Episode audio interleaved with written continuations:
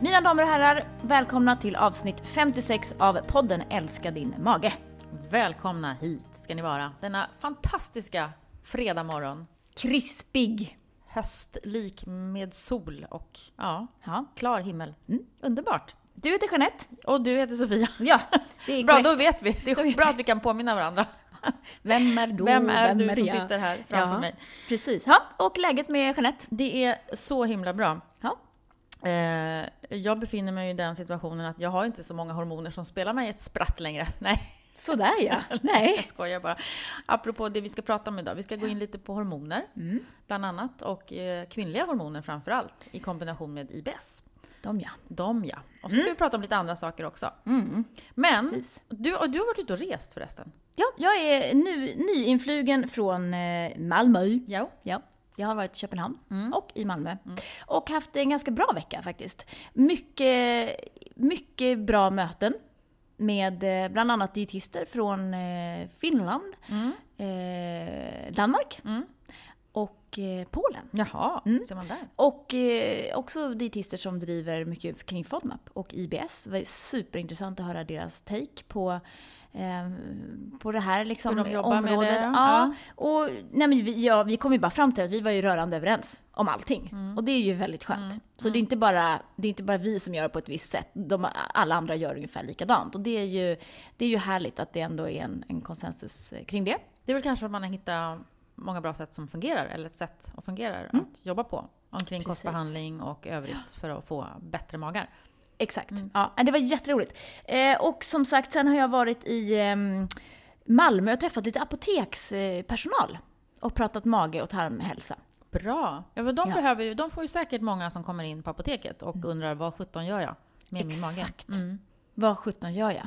Ja, och där står de då och kliar sig i huvudet och undrar, ja eh, alltså du kan ju prova någonting här.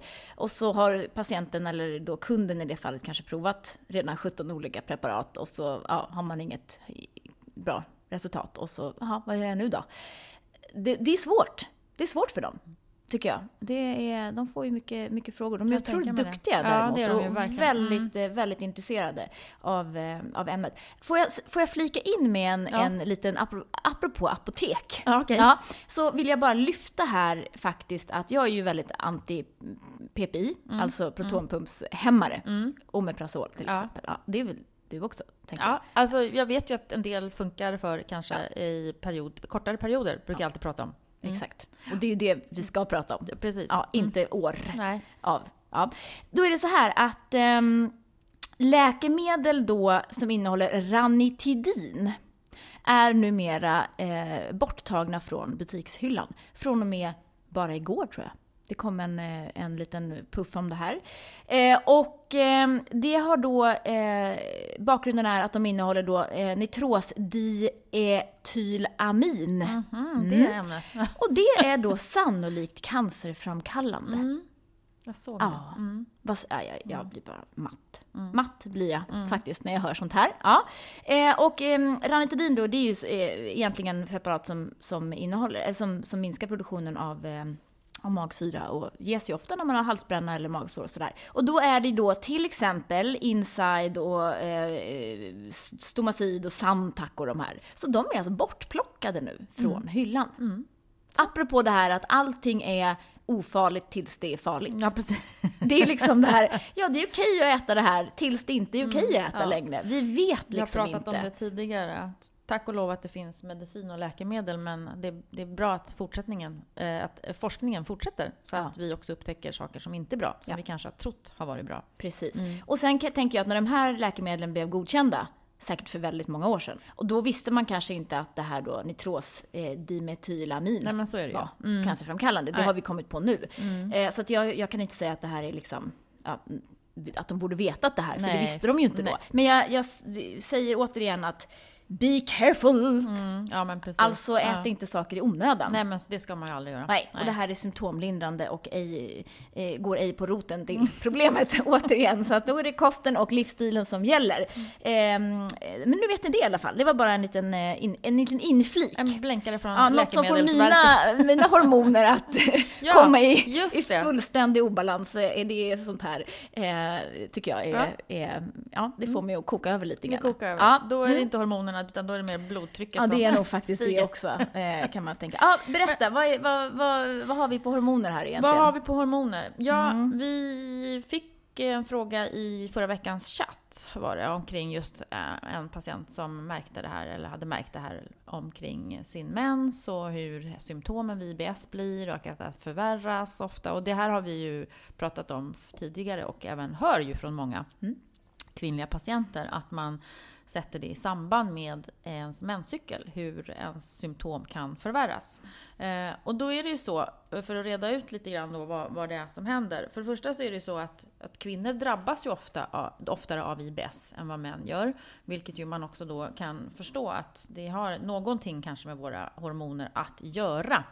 Och då är det ju framförallt våra eh, kvinnliga könshormoner östrogen och progesteron som man pratar om. Och de förstår man då i alla fall, har man så i alla fall kommit så långt att förstå att de kan liksom utlösa eller förvärra IBS-symptom.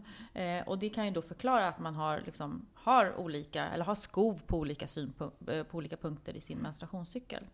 Eh, och de påverkar på ett par olika sätt. Bland annat så har det i, i matsmältningskanalen, i vår glatta muskulatur.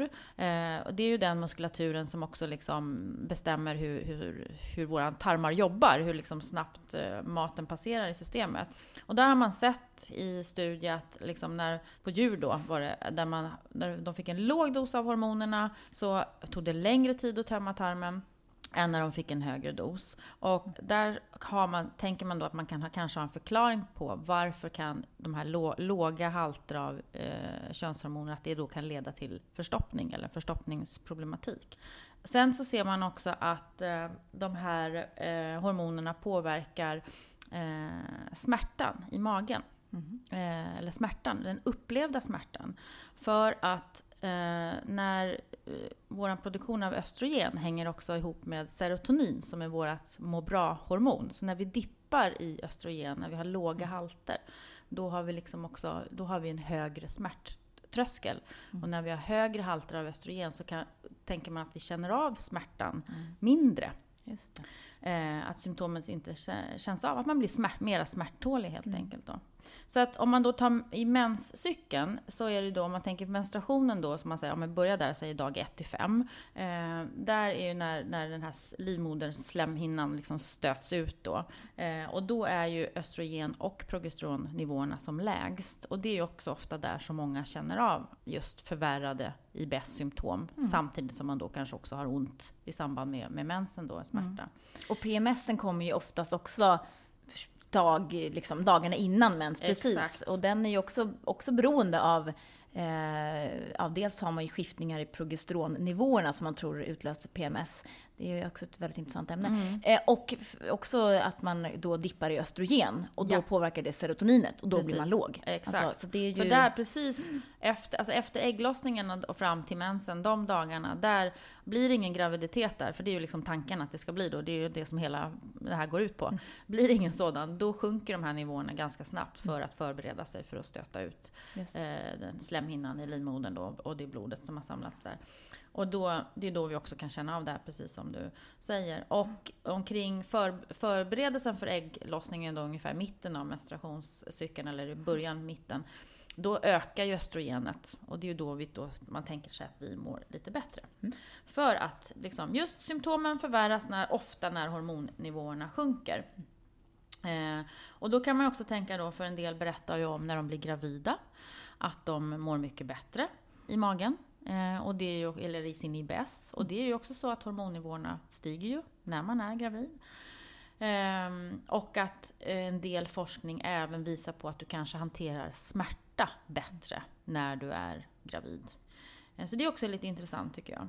Eh, Men sen kan det också vara en del eh, gravida som ju får problem med förstoppning. eh, Ja. Ofta under senare delen av graviditeten. Och en förstoppning kan ju alltid liksom vara med och förvärra andra symptom också. Ju, som smärta, uppblåsthet och så vidare. Då tar man järntabletter och då blir magen ännu sämre. Ja men precis. Ja, så precis. det är lite moment Den 22. kan vara lite Mm. jobbig. Mm. Eh, sen så har vi det här med den perioden som jag pratade om då, klimakteriet. För där sjunker ju eh, våra könshormoner nivåer.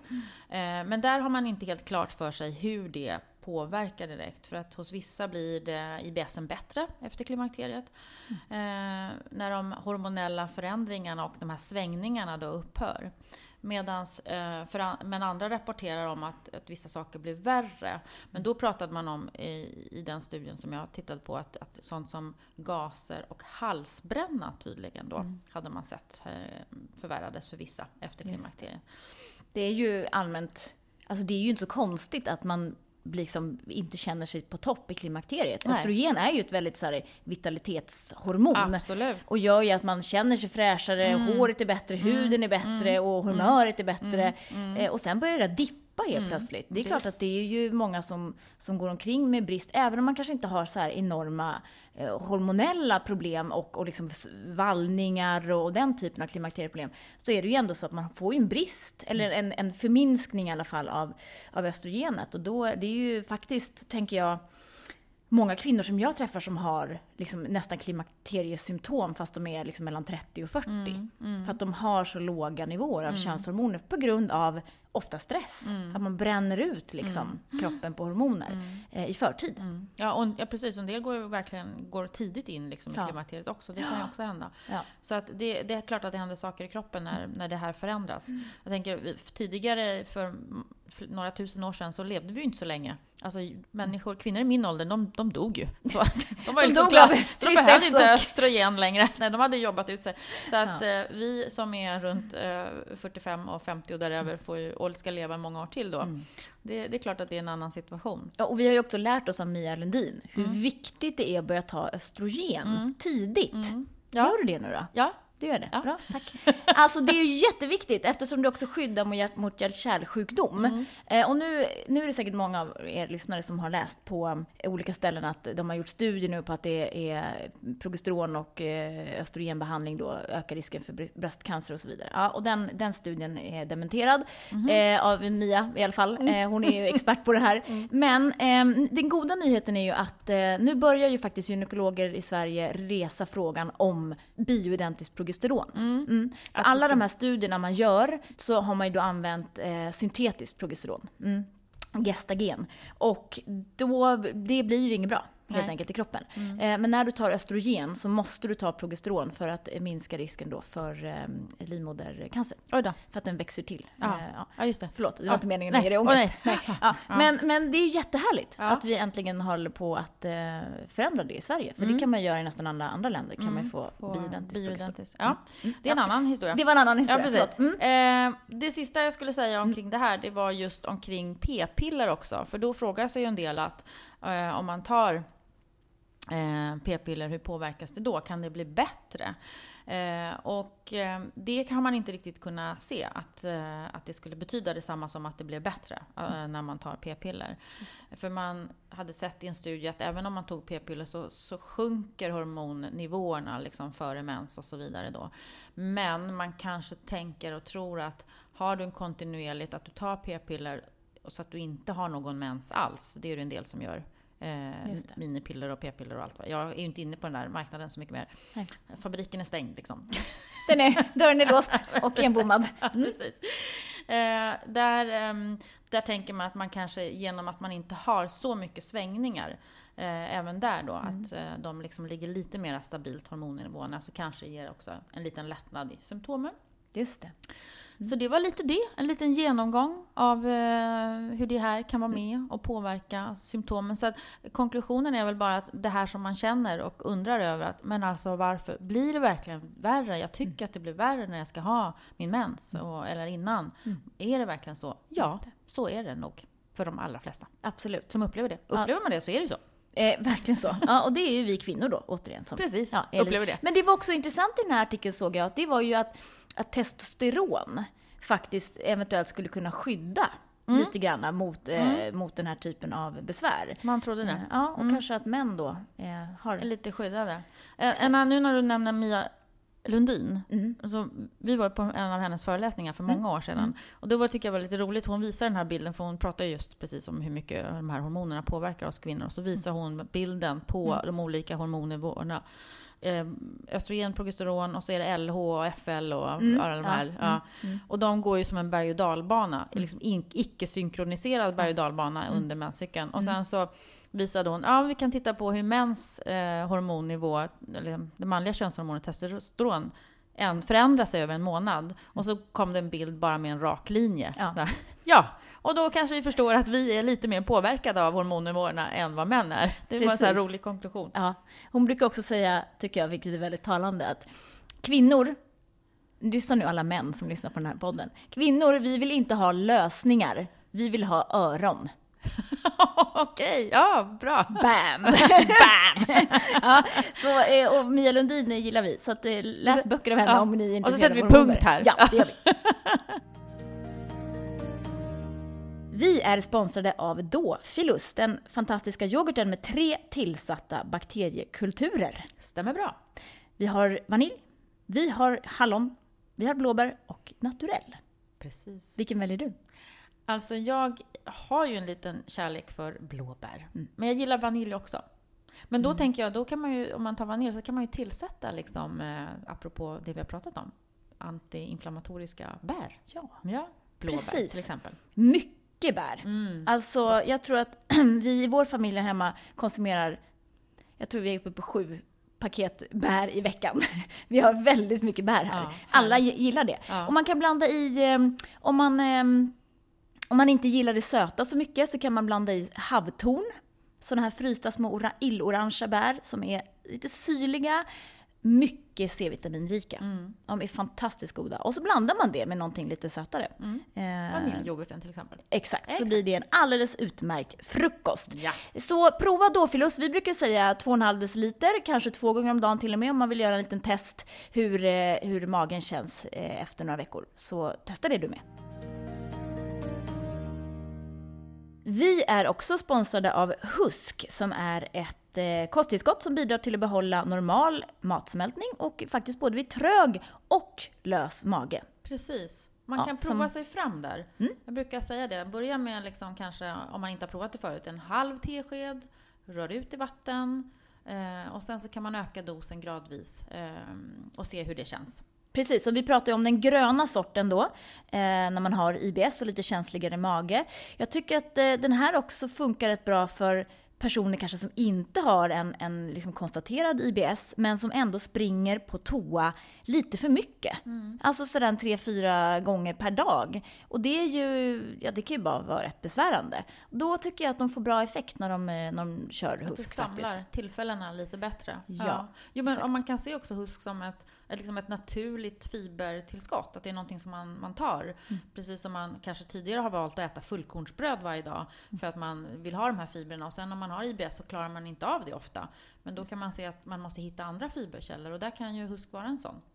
Precis, och det är ju ypperligt då för tarmbakterierna som producerar smörsyra av det här. Och det är ju det vi vill ha jättemycket av i tarmen för en bra tarmhälsa. Så att prova husk och den gröna varianten finns då i strö eller i kapsel. Det är många som tycker att det är bra att, att ta i kapselform också om man, vill, om man är ute och reser och så vidare. Så är den alldeles utmärkt att ta med sig. Annars strör man på fil eller yoghurt eller gröt eller vad man nu äter. Vi får just nu mycket frågor om antiinflammatorisk kost. AIP heter det väl också. Anti, anti-inflammatory Program. protocol. Protocol är det nog. Ja, precis. Ja. Ja, men det är det nog. Ja, eh, jag tänker då eh, prata lite om detta och jag vill egentligen börja med, börja från början. Nej, det ska jag inte göra. Så, Det, här, det här kommer bli en lång podd. Nej men det blir det inte. Nej. Utan, eh, så här är det då. Maria Borelius är ju en författare som har skrivit eh, eh, en, många böcker på det antiinflammatoriska spåret. Eh, och det är jättefantastiskt och bra att hon har lyckats med det. Eh, hon hade ett sommarprat i somras där hon nämnde den antiinflammatoriska kosten ganska, ganska kort. Det var inte huvuddelen av sommarpratet.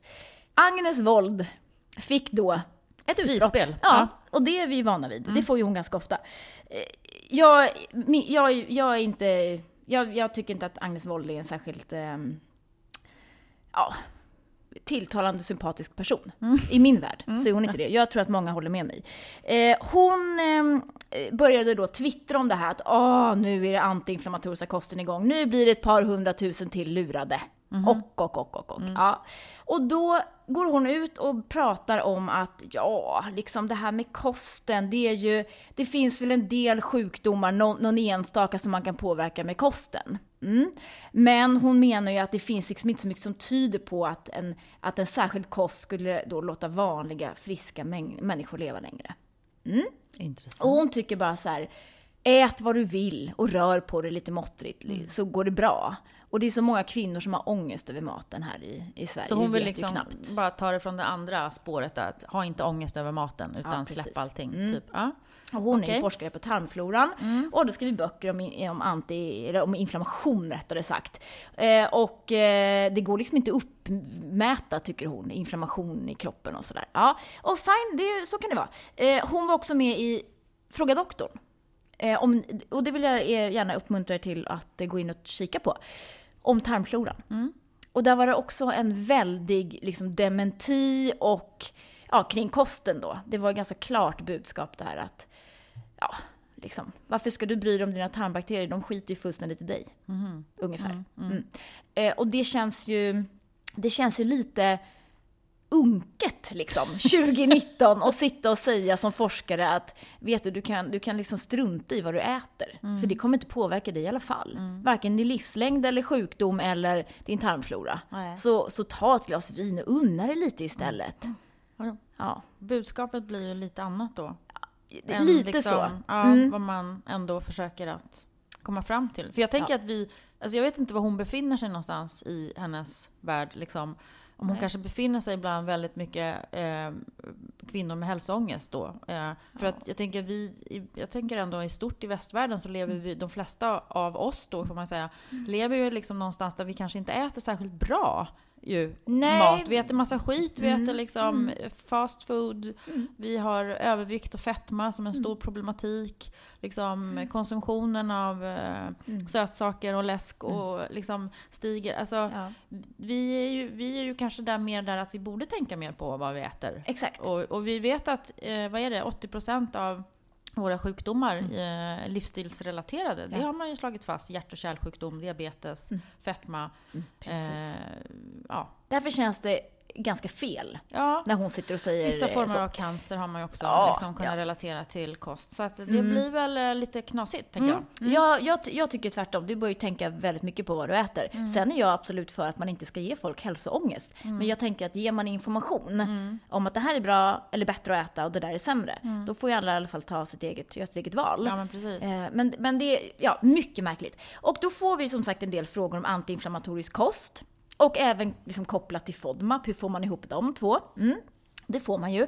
Det finns ju då Eh, trots vad Agnes Wold säger, så finns det ju ändå en del studier. Bland annat gjordes en stor studie här i, eh, i Uppsala och Västmanland och Örebro län, eh, där det faktiskt var då 3500 deltagare, kvinnor, som fick ange vad de åt och så satte man då en typ av antiinflammatorisk kostindex på de här personerna och mätte då CRP i blodet, vilket ju är en markör för inflammation. Mm, det gör man ju kanske inte normalt sett när man går till sin husläkare, att man får liksom mäta sin inflammation. Men i den här studien gjorde man det. Och då hittade man då en, en typ av eh, kostmönster eh, med då ett högt sånt här, eh, eh alltså att man åt en hög grad av antiinflammatorisk kost. Som man gjorde då att man levde längre. Ja, och, och liksom inte utvecklade vissa sjukdomar eller så. Och det var ju och det är det här som är det intressanta då, att den antiinflammatoriska kosten är ju inget konstigt. Jag brukar säga att det är ju egentligen, om man ska hårdra det, det är Livsmedelsverkets råd i en lite sexigare kostym. Mm. Så. Plus att man då kanske väljer bort vissa andra saker också naturligtvis. Men i grund och botten så är det frukt och grönsaker, fullkornsprodukter, havregryn till exempel, vegetabiliska oljor, eh, omega-3 är ju en stor del i den antiinflammatoriska mm, kosten. Precis. Eh, inte lax då. Nej. Från Norge. Odlad. Ja. ja. ja. Eh, men alltså, och faktiskt också vin och öl. Mm. Men med måtta. Mm. Obs, obs, obs, med måtta. Mm. Aldrig mer än en deciliter vin per dagen här. Det säger ju då Herregud. Livsmedelsverket. Mm. Ja, jag kämpar för att komma upp en deciliter i veckan. Herregud. Ja, men, men eh, så, så, det finns ju. Sen pratar ju då eh, Maria Borelius i sin bok om eh, eh, en studie också som är då gjord eh, nere i eh, Lund. Eh, och då är det ju så här att ehm, eh, man såg där att, att de här studiedeltagarna då fick ju, alltså teorin är ju i alla fall att man skyddar då eh, kroppen mot cancer och diabetes och hjärt-kärlsjukdom och demens och, och, och så vidare. Mm. Eh, och eh, så får man då se lite vad som händer och då var det Inger Björk där från Anti-Diabetic Food Center i Lund som är ju väldigt liksom framme i forskning ja, på, på eh, kost och näring över, överlag. Mm. Eh, och ehm, eh, där såg man ju egentligen att, att det blev bättre i, i de här markörerna på de här försöksdeltagarna. Ehm, och man märker en, en, märkbar skillnad i kroppen bara på en månad med den här antiinflammatoriska kosten, vilket ju är alltså en ganska kort tid. Kort tid. Ja. ja. Och, och, det var LDL-kolesterol och det var fett, andra fettämnen och blodtryck och blodproppar. Och sen blev man också faktiskt skarpade i huvudet. Mm -hmm.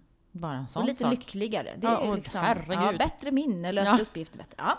Så, och då är det ju så här, en kombination av det vi äter. Då kan man tänka att, att någonstans så är det ju inte så att vi, vi ska liksom äta bara av en sak. För det är det här som blir så svart eller vitt. Att, Mm. att vad är det för någonting då? Men allting som, som egentligen vi pratar om, frukt och grönsaker och fullkorn och allt det här liksom som, Mm. är, som är standard, bär till exempel, är ju väldigt antiinflammatoriskt. Eh, och sen finns det ju då de som drar det här ett steg längre och då är det minus socker, mejeriprodukter och gluten. Mm. Mm. Och rött kött. Mm. Eh, det är ju egentligen inget konstigt. Mm. På något vis. Mm. Det är ju liksom en, en sund kost, Ja, kan jag känna. Absolut. Ja, Att dra så- ner på kött till exempel, det har ju vi pratat om många gånger. Ja, men verkligen. Så ska man då få ihop den här antiinflammatoriska kosten med FODMAP, vilket ju är liksom jättemånga som, som önskar och vill, då är det ju inte svårare så att man väljer frukter och grönsaker och bär och nötter och frön som funkar med FODMAP. För det finns ju valnötter, ja de funkar ju alldeles utmärkt och pumpafrön och alla de här. Det är ju liksom Alla frön nästan ju. Funkar ju bra. Mm. Ja. Och sen får man ju då helt enkelt välja vad man då tycker. Om man till exempel vill välja ett havrebröd, det är ju alldeles utmärkt, eh, eller havregryn. Ehm, och eh, ta bort lite kött kanske, om man vill göra det. Mejeriprodukter får man göra som man vill med, men det är ju inte heller något nå svårt att byta till en havre, havreprodukter Mm. Eller istället. så, så mixar man liksom. Man kanske använder havremjölk ibland och Visst. vanlig mjölk ibland. Alltså det, just att man inte behöver gå svart eller vitt, tänker jag. Nej, Mm. precis. Sen har vi då de här gurkmeja och ingefära, de här lite mera liksom specifika ja, ingredienserna. Ja, precis. Och det är ju så att det finns ju vissa studier i alla fall nu som börjar komma mer och mer på gurkmeja, kurkumin, Mm. och dess antiinflammatoriska effekt. Än så länge har vi ju för lite evidens för att kunna säga att äter man så här mycket gurkmeja varje dag så får man så här mycket mindre inflammation. Eh, och, och inflammation mäter man ju lättast på, eller man ser en störst skillnad i inflammation i kroppen på personer som går ner i vikt. Där minskar inflammationen liksom på en gång. Precis. För det Eh. är ju ett, ett tillstånd där man har sett att man har en Ja. lättare förhöjd liksom, inflammationsnivå Mm.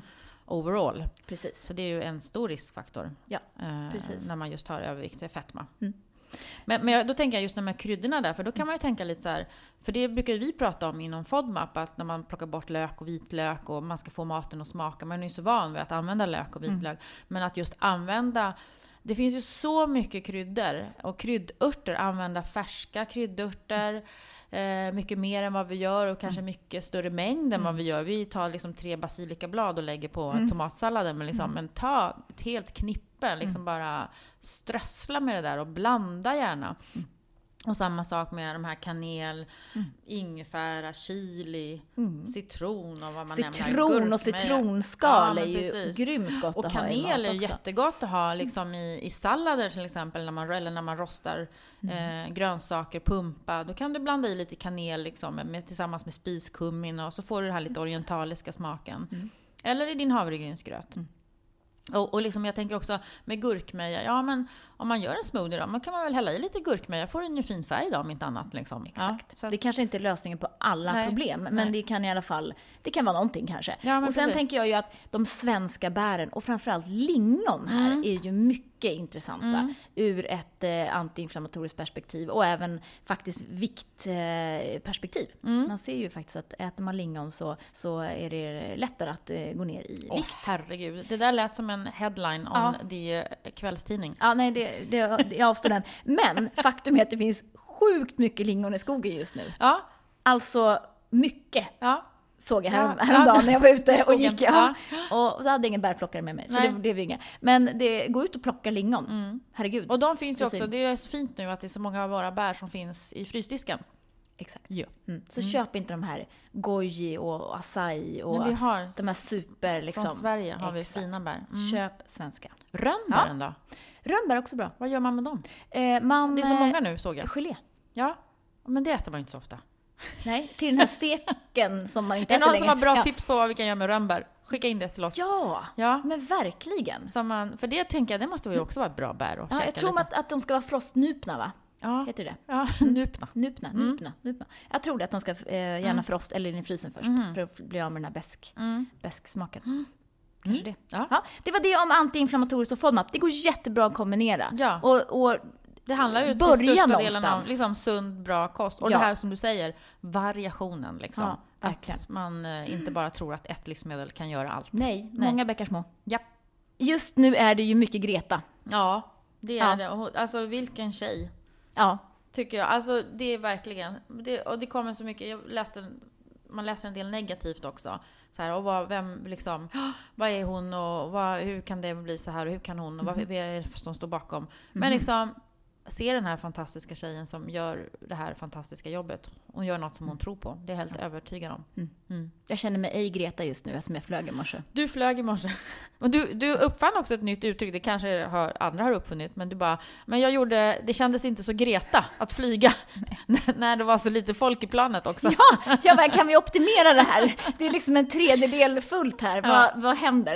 Eh, men i alla fall, eh, så, så eh, är det ju mycket snack nu om eh, att, eh, att op, alltså, optimera eh, konsumtion och mat och, och så.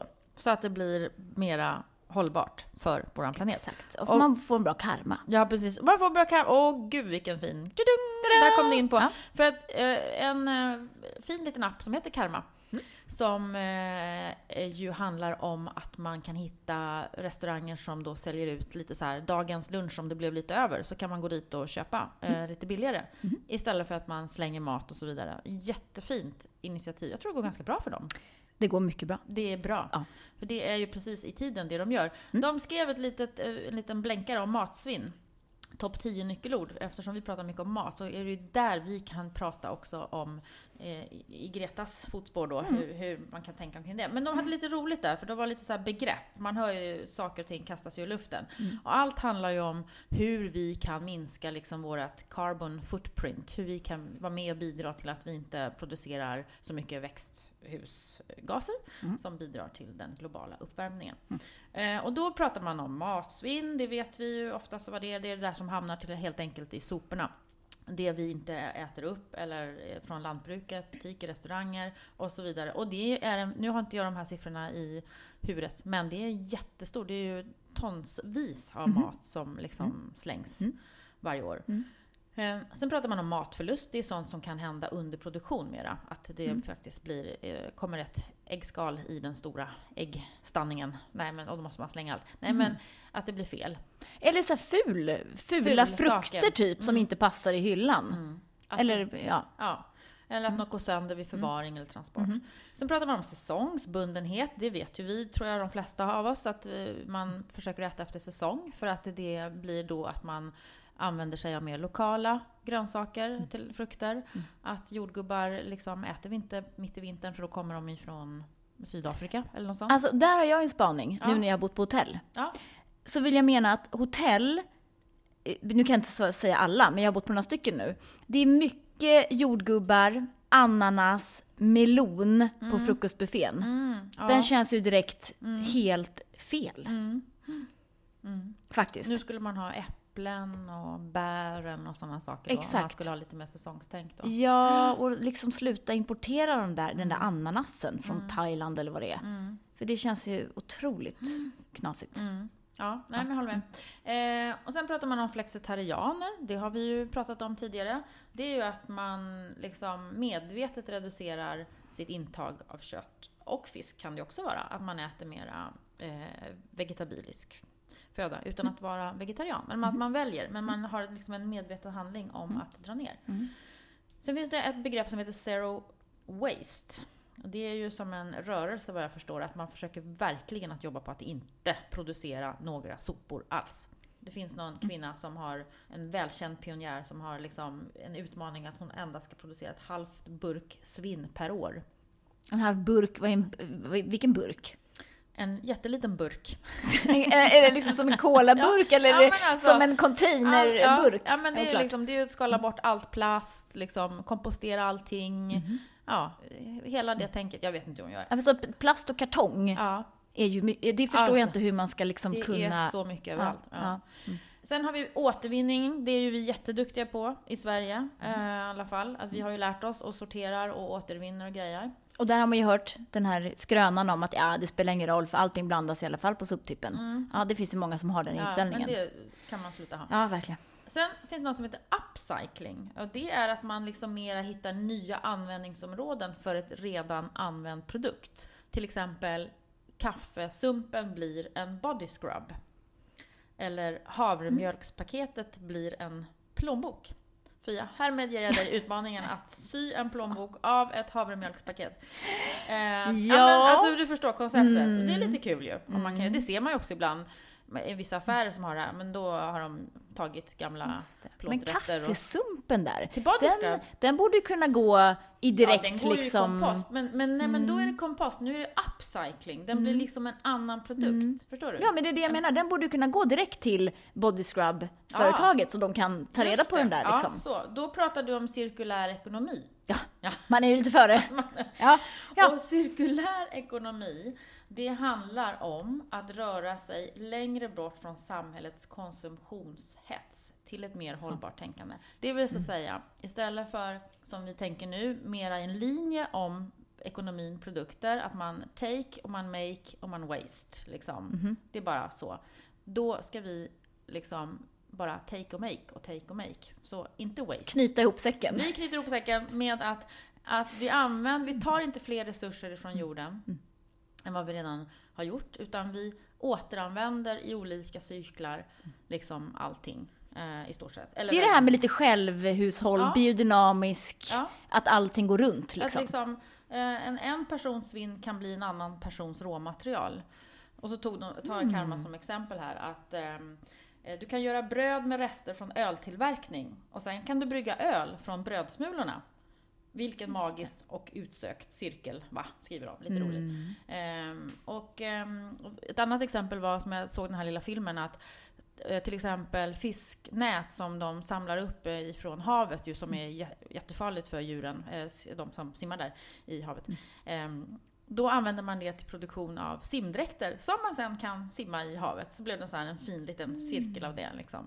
Eh, Det var ett exempel. Men det var en väldigt tilltalande tanke. Vi kan inte fortsätta att bara ha en konsumtionshets utan vi måste börja tänka på ett annat sätt. Ja. Vi kan Jag tänker på vad jag ska cirkulär eh, upp... Eh, Cykla. inte idag. Ja, Ja, det, någonting måste vi, man ju... vi kan nog hitta på något. Det Mm. blir helgens utmaning. Ja, faktiskt. Jag tror att jag ser det som en utmaning. Ja, jag med. Bra. Och med dessa ord så eh, tackar vi för idag. Det var trevligt att träffa dig så här över mikrofonen, Ja, Sofia. precis. Det är ju inte så ofta vi ses nu för tiden. Det är tur att vi ses här och så får vi prata om sånt som berör och rör oss. Ja, och Mm. vi håller på att jobba halvt ihjäl oss med den här appen. Ja, Ja, nu ska vi tillbaks till Mm. eh, kolgruvan och jobba vidare med den. Det ska vi. Mm. Eh, den kommer snart. Eh, det är kanske tre veckor kvar till Ja. lansering. Mm. Det är mycket att göra, men den kommer bli mycket bra och mycket fin och vi hoppas verkligen att ni kommer ha användning av den. Gå in på bellybalance.se om ni vill veta mer. Ladda ner appen Belly Balance om ni inte redan har den då. Och den nya appen kommer egentligen bara ersätta den gamla i App Store eller vad man nu har. Mm. Så det kommer inte bli någon skillnad där. Vi säger tack och hej! Tack så mycket!